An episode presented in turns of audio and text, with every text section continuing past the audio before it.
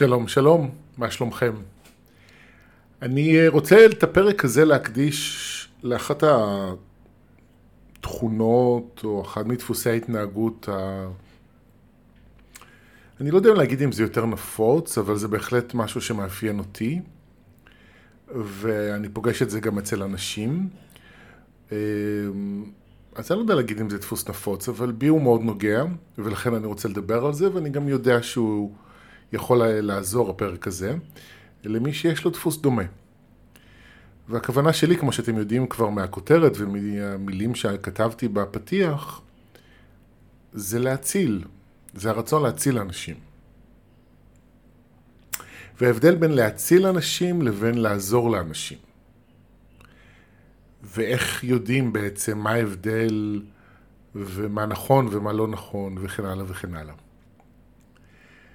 אני אתחיל ואני אגיד שהרעיון בכלל להקליט את הפרק הזה על הנושא הזה הגיע מטיפול שעשיתי השבוע, או יותר נכון לפני שבוע, אה, ממישהי שהיא כמוני, יש לנו אה, דפוס דומה במקום הזה, ודיברנו ודיברנו ודיברנו על זה מכל מיני כיוונים, ובאיזשהו שלב בשיחה הרגשתי צורך להזכיר לה שזה דפוס טוב, אוקיי? עכשיו זה קצת מוזר להגדיר דפוס כטוב, כי אין באמת דפוס רע, אבל אמרתי לה שהבסיס של הדפוס הזה זה טוב לב.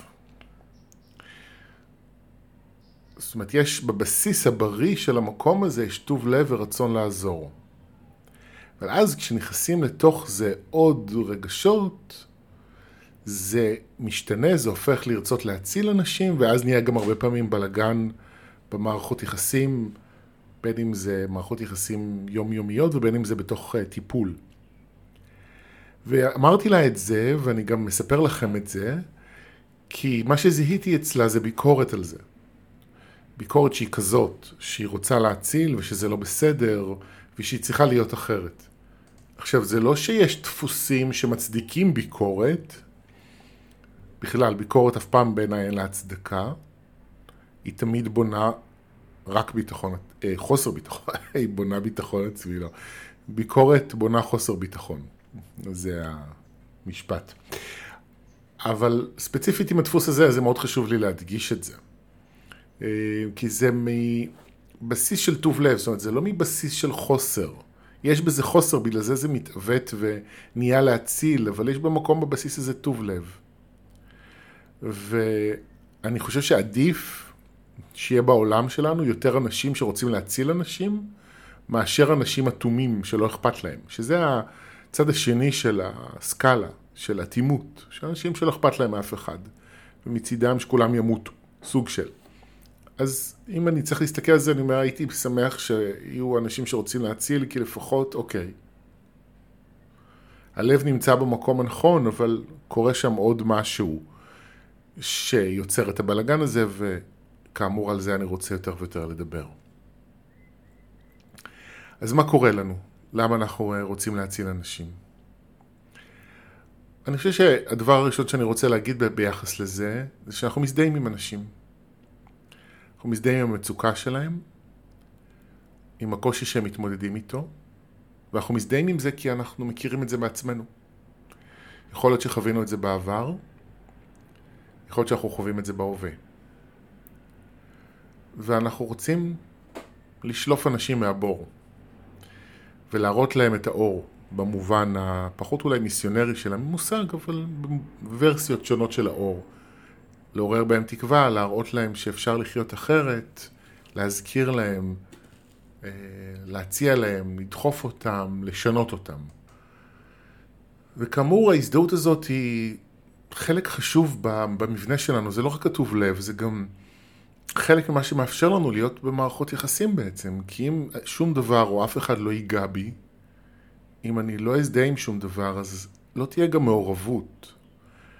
במובן מסוים גם לא תהיה אינטימיות. אני... אנחנו זקוקים לערבוב הזה כדי להתפתח. האתגר הוא שבהזדהות אנחנו לא תמיד רואים נכון מה קורה. ואתם יודעים, כשאני מדבר על זה, אז אני חושב בו זמנית, יש לי, מהדהד לי בראש מישהו שאני שעובד איתי באחד על אחד כבר כמה חודשים, הוא בחור אה, מאוד חמוד, אה, שהוא נמצא בכאב מאוד גדול. והוא מזכיר לי אותי בכל מיני היבטים ומובנים, ואני רואה את הבור שהוא נמצא בו, את, ה... את הייאוש, את חוסר האמונה, את הכאב הגדול שיש לו לרפא. ואני מכיר את זה כי אני בא ממקום דומה. סיפור חיים אחר, כאילו גם הבסיס וגם ההתפתחות היא אחרת, אבל החוויה הרגשית שהוא נמצא בה היא מאוד מאוד מוכרת לי. ו... ויש הרבה רגעים שאני יושב איתו ואני מרגיש את הרצון הזה, שאם הייתי יכול להוציא אותו משם. ובעבר במצבים כאלה, וזה לא שזה נגמר, כן, כי יש לי עדיין את הדפוס של לרצות להציל אנשים, ואולי זה גם יקרה בעתיד, הדפוס הזה, מה שהוא עושה, הוא גורם לי להתאמץ.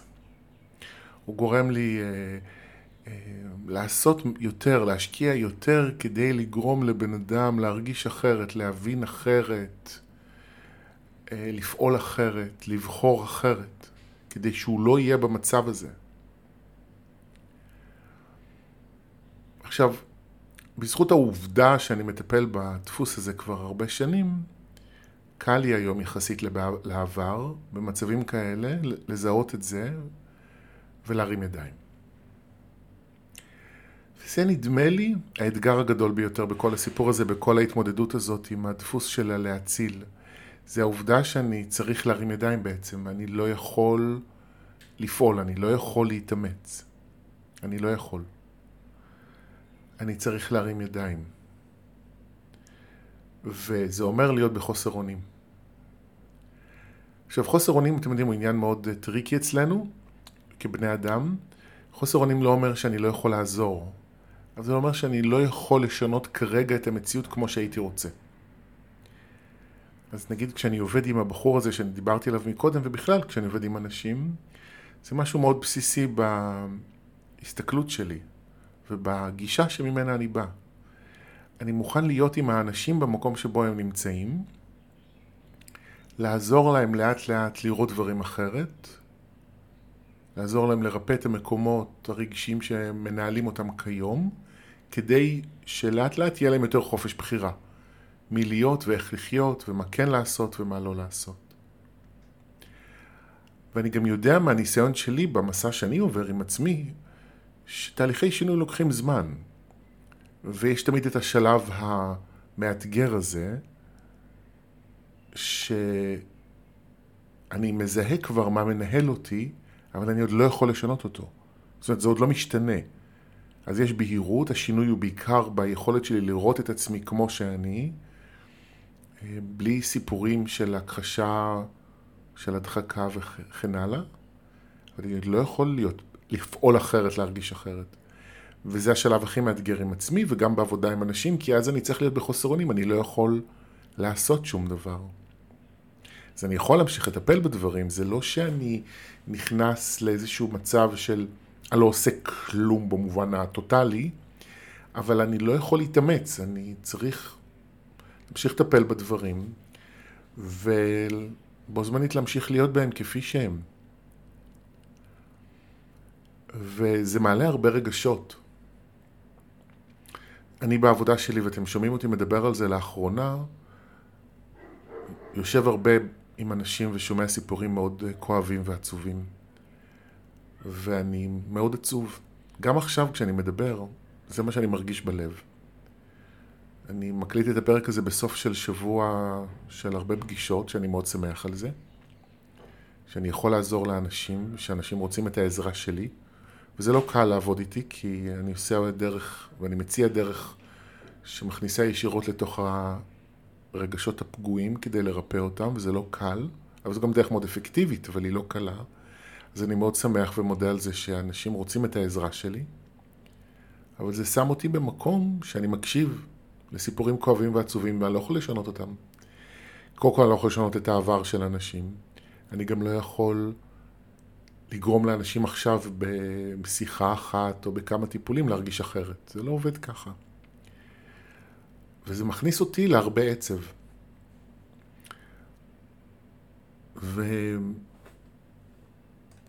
והעצב הזה הוא, הוא שלי. אני לא מסתכל על זה כאילו אני מרגיש רגשות של אנשים אחרים, אני מרגיש את מה שאני מרגיש, והוא חלק מהתהליך שאני עובר בדרך. זאת אומרת, הלב שלי יותר נפתח, יותר מתרכך, יש עצב שעולה, שהסיפורים הם הטריגר, והשיעור שלי, חלקו לפחות, הוא להיות בזה. ואני מספר את זה כי זה מאוד משמעותי, כי זה בעצם מה שקורה לנו הרבה פעמים, ואנחנו בגלל זה רוצים להציל אנשים. כי אנחנו מרגישים דברים, כשאנחנו פוגשים אנשים בצורה מסוימת, במצב מסוים, ואנחנו הרבה פעמים רוצים להוציא אותם מזה, כדי שאנחנו נפסיק להרגיש את מה שאנחנו מרגישים. עכשיו שתבינו, אני נתתי דוגמאות מהעבודה שלי עם אנשים, זה עוד המצב הטוב. כי אלה אנשים שבאים והם רוצים עזרה, הם רוצים שינוי. אבל הרבה אנשים לא רוצים עזרה ושינוי, ואולי הם רוצים אבל הם לא יודעים איך לממש את זה, או שהם פשוט לא רוצים והם במצוקה.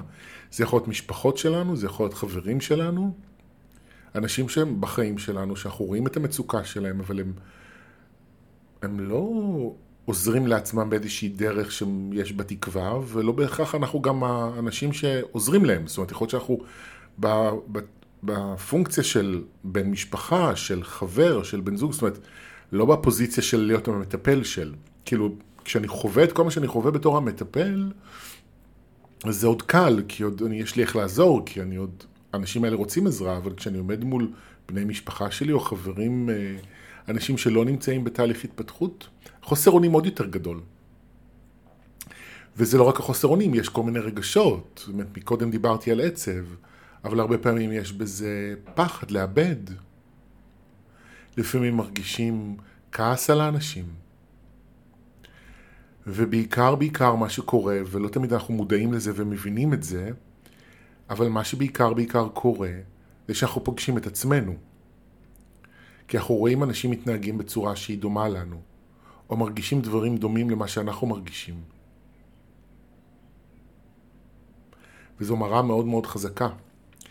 והרצון להציל הוא גם כדי להפסיק להרגיש את מה שאני מרגיש, וגם כדי שאני לא אצטרך להתעסק עם מה שאני רואה. כך שבבסיס של הדפוס הזה יש טוב לב. אבל התוצאה היא הרבה פעמים מאוד אגואיסטית, ולא במובן הבריא של המילה. כי יש אגואיסטיות בריאה בעיניי, זאת אגואיסטיות שהיא לא בריאה, כי היא יכולה ליצור עוד בלאגן. כי אני בעצם רוצה להציל איזה מאוד אלטרואיסטי, זה מאוד יפה, וזה באמת כזה, אבל יש בזה גם אלמנט של, אני פשוט לא רוצה להתעסק בעצמי. אז אני רוצה שאתה תשתנה, או שאת תשתני, כדי שאני לא אצטרך לעבור את מה שאני עובר בקשר איתכם. אז שוב, זה לפעמים כעס, זה לפעמים פחד, וזה הרבה פעמים כאב, עצב וצער, כי אנחנו רואים אנשים שאנחנו אוהבים, שאכפת לנו מהם. ולפעמים אנחנו מציעים להם, בואו, לכו לטיפול, תעשו את זה, תעשו את זה, לכו לסדנה הזאת, ואנשים לא רוצים עזרה, וזה נורא נורא קשה לראות את זה. אז מה שאני עושה, וזו ההצעה שלי תמיד כשמתמודדים עם הדפוס הזה, היא גם להסתכל על איפה אני דומה לאנשים האלה, איפה אני לא רוצה עזרה, למשל, אם זה התגובה שאני מקבל מהבן אדם הזה, איפה אני לא רוצה עזרה. עכשיו, זה מאוד מאוד חשוב, מה שאני אומר כרגע. כי לפעמים יש לנו נטייה להגיד, וואי, אתה מזכיר לי את איך שהייתי. או גם אני הייתי פעם במצב הזה. ויצאתי ממנו והשתניתי, אז אני יכול לעזור. מה שגם נכון. אבל עדיין האנשים שאנחנו פוגשים תמיד משקפים חלקים בתוכנו. אז יכול להיות שאני הולך לטיפול והבן אדם שאני פוגש לא הולך לטיפול. זאת אומרת, יכול להיות שאני רוצה עזרה ובן אדם שאני רואה שהוא במצוקה מתנגד לעזרה. אז על פניו אנחנו לא דומים. אבל אם אני בוחן את עצמי בכנות, אני אגלה מקומות שבהם אני כן מתנגד לקבל עזרה. אז יכול להיות שאין לי בעיה לקבל עזרה כמטופל, אבל תהיה לי בעיה לקבל עזרה כבן זוג או לקבל עזרה כחבר. זאת אומרת, כמטופל, כשאני משלם כסף, אין בעיה, אני הולך לטיפול, אני מדבר, אני מקבל את מה שאני מקבל, והדברים עובדים פשוט ואלגנטי, אבל כשזה מגיע ל... פשוט לקבל מעצם היותי קרוב לאנשים מסוימים, שם יהיה פתאום קושי. ואני מדבר על כל, על דינמיקה שאני מאוד מאפיינת אותי. כאילו קל לי כמטופל, כפוזיציות אחרות בחיים, זה הרבה פעמים יותר קשה לי לקבל. אז זו דוגמה אחת. השתקפויות זה תמיד דבר שצריך לבחון אותו באופן אה, אינטליגנטי. כי זה לא פשטני, זה לא, זה יותר מורכב מזה, זה לא התנהגות זהה. אבל המגנט שלי תמיד ימגנט אליי אנשים שהם דומים לי. תמיד אנשים שמשקפים חלק ממני, באופן שבו אני חי. וצריך לבחון את ההשתקפויות מכל מיני כיוונים. אני יודע שיש אנשים שלא עובדים עם הכלי הזה, או יש להם כל מיני השגות לגבי זה. עבורי זה ה... על הלב והעיקר של המסע הרוחני שלי, כי כשאני מסתכל על המציאות כהשתקפות שלי, אני יכול לחזור ולעשות שינוי בתוכי. הרי אני לא באמת יודע מה קורה בתוכי. זאת אומרת, אני מזהה את מה שאני מזהה ברגשות שלי, בהתנהגות שלי, אבל המציאות שלי מראה לי עוד צדדים שאני לא בהכרח רואה או מבין או מודע לזה שהם קיימים. זה הדרך של האלוהות בעצם לדבר עליי ולהגיד לי, תסתכל על עצמך עכשיו. הנה אתה. ולפעמים זה לא תראה איזה מקום הוא כואב בתוכך אתה צריך לרפא, לפעמים זה מקום, תסתכל איזה מקום בריא יש בתוכך שאתה לוקח כמובן מאליו ומתעלם ממנו. וכדאי שתכיר בזה. כי אם אני מזהה דברים טובים אצל אחרים, זה השתקפות של דברים טובים בתוכי. זה תמיד, אני מזהה את משהו שקיים בתוכי, takes one to know one. אני לא יכול לזהות באדם אחר משהו שאני לא מכיר. מעצמי. כך שכשאני עובד עם הדפוס שלה להציל, אני... כאילו, אני משתדל לעשות את זה בכל תחומי החיים, כן? לא רק עם הנושא הזה, אבל עם הסיפור עם הלהציל הוא מאוד מאוד משמעותי, העבודה עם השתקפויות. כי אני רוצה לראות ממה אני מנסה להציל את עצמי. אז כאמור, יש נקודת מבט אחת שאומרת, אוקיי, מה אני מרגיש כשאני שומע את הבן אדם, כשאני רואה את המצב שבן אדם נמצא בו, ולהסכים להיות בזה. כי הרבה פעמים הלהציל זה להציל את עצמי ממה שאני מרגיש, להפסיק להרגיש את זה כי הכאב או הכעס או הפחד הם בלתי נסבלים. ולפעמים זה כי יש משהו במה שהבן אדם משקף לי שאני לא רוצה לראות. וכשאני עובד עם זה, אני עובד עם זה עם שתי הנקודות מבט הללו, זאת אומרת, גם מה אני מרגיש וגם מה ההשתקפות. ומה שזה מאפשר לי, זה מאפשר לי לעבור מהפוזיציה של אני פה להציל אותך, לפוזיציה של אני פה לעזור לך. שזו פוזיציה יותר אה, אמיתית בעצם, או אפשרית למימוש, נגדיר את זה ככה. כי כשאני פה לעזור, אני בגובה העיניים, אני יכול לתת את מה שאני נותן, לתמוך, לעזור, לכוון, לא משנה באיזה פוזיציה אני, אם אני בן זוג, מטפל, חבר וכן הלאה. ולפעמים מה שיש לי לתת הוא אולי אפילו רק להקשיב, אבל זה הרבה מאוד לפעמים. זה דבר אחד שמשנה את הכל, וב' אני גם אה, יכול ללמוד בדרך, וגם ממה שקורה. וגם העזרה שאני נותן יכולה להיות יותר אפקטיבית, כי אני קשוב. אני... אז אני נהיה יותר ממוקד, ואני נותן את מה שנכון, ואני גם לא מתיש את עצמי בדרך. אתם מכירים מצבים כאלה שאתם מדברים עם מישהו, ואתם מוצאים את עצמכם מרוקנים מאנרגיה בסוף השיחה? הרבה פעמים זה קורה בגלל שאנחנו מתאמצים להסביר, מתאמצים לשכנע, מתאמצים אה, לשנות מישהו. עכשיו לא תמיד, לפעמים אנחנו מתאמצים לשכנע מישהו שאנחנו צודקים, כי לפעמים זה מהמקום הזה. אבל לפעמים זה קורה כשאנחנו מנסים להציל מישהו, כשאנחנו מדברים עם מישהו במצוקה, ואנחנו מנסים שוב ושוב להסביר לו, שיראה את זה אחרת, שירגיש אחרת, וכן הלאה וכן הלאה. ואז אנחנו מתעייפים. עכשיו, כשאני עוזר אני לא מתעייף. אוקיי? זאת אומרת, זה ברור שכשאני מסיים יום עבודה של הרבה טיפולים, אז אני עייף. אבל אני לא מכלה את האנרגיה שלי. אני מכלה את האנרגיה שלי כשאני מנסה להציל, ואז אני יכול להשקיע הרבה מאוד אנרגיה שאין בה צורך.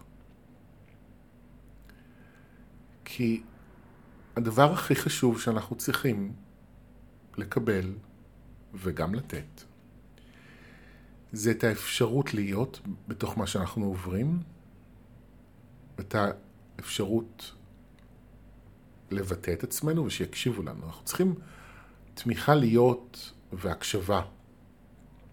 לפעמים יש עצות, כן, לא, אין ספק, יש לנו חוכמה וצריך להזכיר אחד לשני דברים, אבל הצורך הבסיסי שלנו זה בלהיות בדברים, בלקבל תמיכה בתוך זה ולקבל הקשבה. זה בעיקר. וזה נשמע פשוט, אבל זה לא פשוט, כי הרבה פעמים באינסטינקט שלנו, אנחנו כבר יודעים מה בן אדם צריך לעשות, אנחנו יודעים מה בן אדם צריך לשנות, אה, ואנחנו אה, חסרי סבלנות, אנחנו לא נמצאים איתו בתוך זה, אנחנו לא באמת מקשיבים.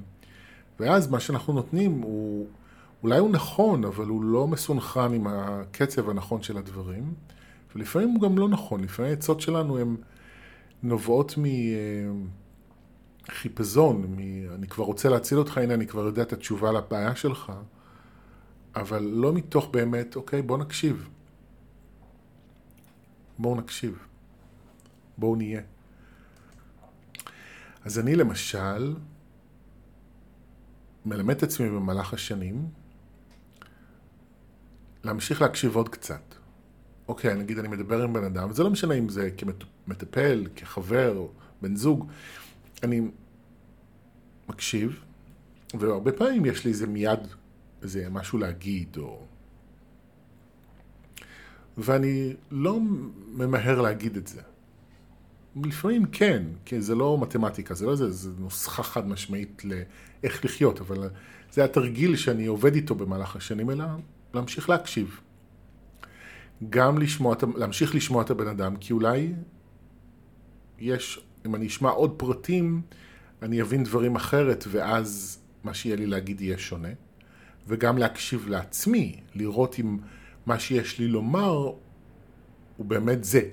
אולי פתאום אני ממשיך להקשיב לבן אדם, ממשיך להקשיב לי, קולט שמה שאני רוצה להגיד הוא משהו אחר, וזה לא באמת נכון. זאת אומרת, אני שוהה עם הבן אדם, אני שוהה בתוך עצמי, ואז באיזשהו רגע אומר את מה שיש לי להגיד. אם משהו לא ברור לי, אני שואל שאלה. זאת אומרת, אני, אני לא ממהר. ואז זה עושה אותי בעיניי מטפל יותר טוב, וגם כבן אדם יותר טוב, כי מדברים על היכולת הכלה. מה זה יכולת הכלה? זה יכולת הוויה בעיניי. אני מסוגל להיות עם הבן אדם. אני לא מכיל אף אחד, אני פשוט לא, לא ממהר להציל אף אחד. זה העניין. אז אני, אוקיי, בוא נהיה בזה ביחד ונגלה מה קורה. וזה לא שאני, כמו שתיארתי מקודם, נשאר שווה נפש למה שאני שומע, זה מעביר אותי דברים, וזה בסדר, ואני גם מספר את זה לפעמים למטופלים שלי, מה זה עושה לי. כשזה, אני מרגיש שזה רלוונטי ויש לזה חשיבות ומקום, כן? זה לא שהשיחה הופכת להיות עליי, אבל אני כן יכול להזכיר את זה. ו... ואוקיי, בואו נהיה בזה ביחד. בואו נעבור מסע ביחד. זה בעצם אולי הדרך הנכונה בעיניי לחיות כבן אדם בעולם הזה, במערכות יחסים, זה כי אנחנו עוברים מסע ביחד. אתם יודעים, אז כשאני עוזר, לפעמים אני יכול להציל אנשים. literally להציל אנשים. ואנשים גם הצילו אותי. כן? זה לא שזה לא קורה. אבל אני לא בא עם האג'נדה הזאת, אני לא בא עם מטרה, אני הולך להציל אותך.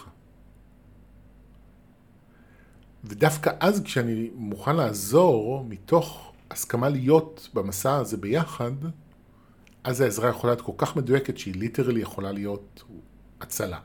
כי אז אני פתאום יכול לקלוט משהו בהתנהגות של הבן אדם, להגיד לו משהו שפשוט יכול לעזור לו לראות דברים אחרת, ומתוך זה ההחלטות שלו משתנות, והוא יכול פתאום לקחת את החיים שלו לנתיב אחר.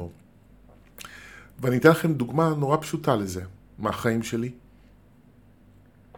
כשהייתי צעיר, זאת אומרת, תחילת שנות ה-20 שלי, בשנים ההן שלמדתי אצל ורדה, ורדה כל שנה הייתה נוסעת עם בעלה להודו, איזה חודשיים, משהו כזה. ובאחת הפעמים האלה, אני הייתי אז עמוק בתוך הבלגן שלי עם כסף, וחיפשתי ניסיתי לעזור לעצמי, ואז הייתה איזושהי סדנה בתל אביב, משהו של האבטאר, לא זוכר בדיוק את המושגים ואת הכותרת, אבל כאילו הבטיחו שם הרים וגבעות ואיזה שינוי מטורף בחיים, ובין השאר גם לעשות הרבה כסף בסדנה של שלושה ימים, ואתה צריך לשלם איזה, לא יודע, 4,000 שקל זה אז, משהו כזה. כאילו, שתבינו, לפני איזה עשרים ומשהו שנה, סכום מטורף היה, גם היום, על סדנה של שלושה ימים משלם 4,000 שקל, הייתי מרים כל גבה אפשרית, ואת כל אלה שגם אין לי.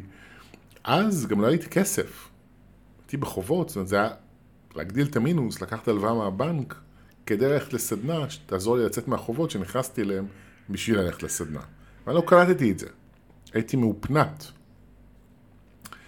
ולפני שהסדנה הגיעה והתחילה, ולפני שנרשמתי ושילמתי, כאילו זה עוד היה ממש בשלב ה... אה, ההתלבטות, ורדה חזרה ארצה והיה לנו מפגש אצלה, שיעור של הקבוצה, וסיפרתי לה. והיא נגנבה, כמו שאני נגנב היום מהרעיון עצמו, ממה שרציתי לעשות, ודיברה איתי על זה, והיא הצילה אותי. ליטרלי הצילה אותי, כי פתאום קלטתי מה אני הולך לעשות. ואני לא אומר שבכל המקרים באופן גורף זה לא נכון, אבל באופן ודאי זה לא היה נכון למי שהייתי אז. וטוב שלא עשיתי את זה.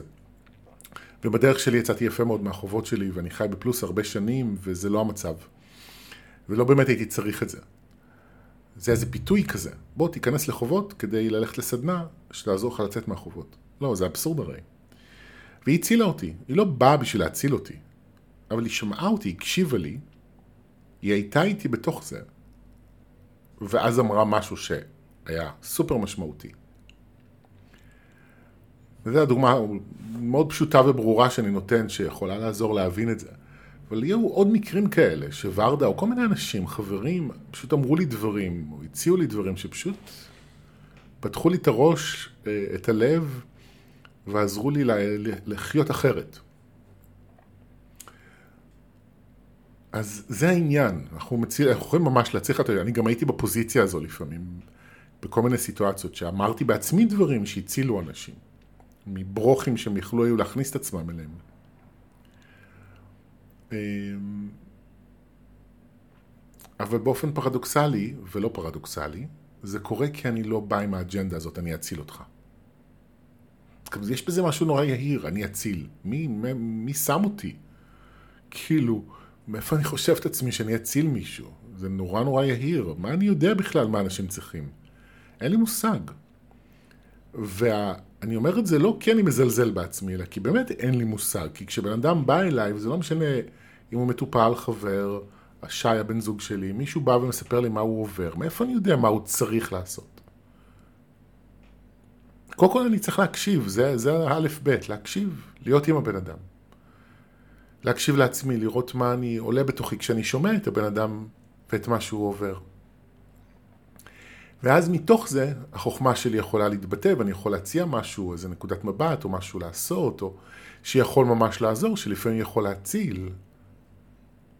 אבל אני לא בא מהמקום הזה, ולכן זה קורה. אז מה, מה, בוא נסכם קצת, כן? הבסיס הוא טוב לב, אבל התוצאה יש בה התנשאות ויש בה אנוכיות. זה לא סיבות להעביר על עצמכם ביקורת, אבל זה חשוב שתראו את הדברים כמו שהם, כדי שתבינו את הבעייתיות שבזה, אם אתם מקדשים את זה,